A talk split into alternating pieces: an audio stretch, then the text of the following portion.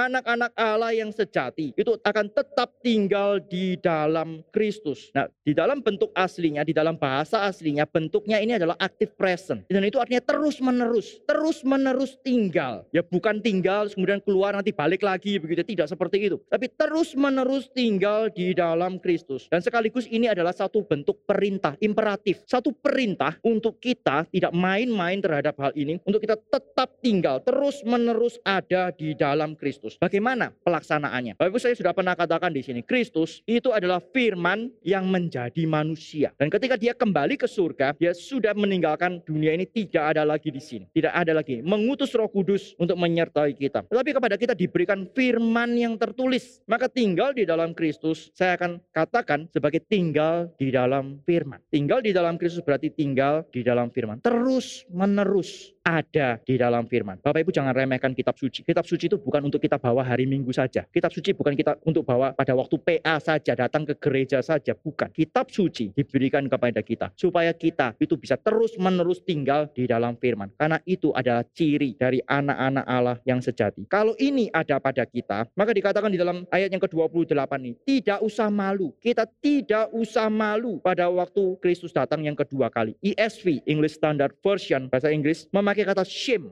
untuk malu, bukan shy. Kalau shy itu malu-malu, Bapak Ibu ya. Ketemu sama orang yang nggak dikenal malu-malu begitu ya. Anak kecil kalau disuruh salaman sama orang dewasa yang dia nggak kenal, dia mendingan ngumpet di balik kaki mamanya begitu daripada salaman. Itu malu-malu. Tapi ini memakai kata shame. Shame itu bicara apa? Satu perasaan malu karena dia tahu dia bersalah. Dia menyembunyikan kesalahan dan kemudian akhirnya ketahuan. Bapak Ibu ketika Yesus datang kedua kali dinyatakan dia akan menjadikan semuanya terang. Itu tadi ayat yang kita baca di fotum kan ya di bagian awal ibadah kita. Dia akan menjadikan semuanya terang, tidak ada yang tersembunyi lagi. Pada waktu itu akan jelas siapa sesungguhnya siapa. Siapa itu siapa akan jelas pada waktu Kristus menyatakan diri yang kedua kali lagi. Pada waktu itu tidak ada sesuatu yang dapat kita sembunyikan. Saya membayangkan ketika Kristus datang yang kedua kali akan ada beberapa respon. Orang-orang yang tidak percaya, orang-orang yang menolak Kristus semasa hidupnya. Mereka tentu akan ketakutan karena Kristus datang tidak menutupi kemuliaannya. Dia akan datang dengan segenap kegemilangannya, dengan segenap kemuliaannya dan kemuliaannya itu adalah kekudusannya. Dan kekudusannya itu adalah kekudusan yang menghakimi orang-orang berdosa yang tidak mau percaya kepada Kristus. Pada hari terakhir memang harus takut, memang harus gemetar. Tapi orang percaya bagaimana? Saya rasa tetap akan ada dua respon. Ada orang-orang percaya yang ketika melihat Kristus datang, masih hidup pada waktu Kristus datang, melihat Kristus datang, mereka akan sukacita. Kenapa? Karena memang seumur hidup mereka menanti-nantikan Kristus. Seumur hidup mereka memang ingin bertemu dengan Kristus. Paulus itu mengatakan kalau boleh pilih, aku pilih mati dan bersama-sama dengan Kristus. Satu kerinduan yang paling besar bagi dia bukan di dunia ini, tetapi bersama-sama dengan Kristus, memiliki relasi yang tidak lagi ada batas dengan Kristus. Tapi ada respon yang kedua dari orang-orang percaya. Itu orang-orang yang meskipun percaya, diselamatkan betul, tetapi tidak sungguh-sungguh hidup bagi Kristus. Pada waktu itu juga akan menjadi jelas. Hati nuraninya akan mengatakan kepada dia, selama ini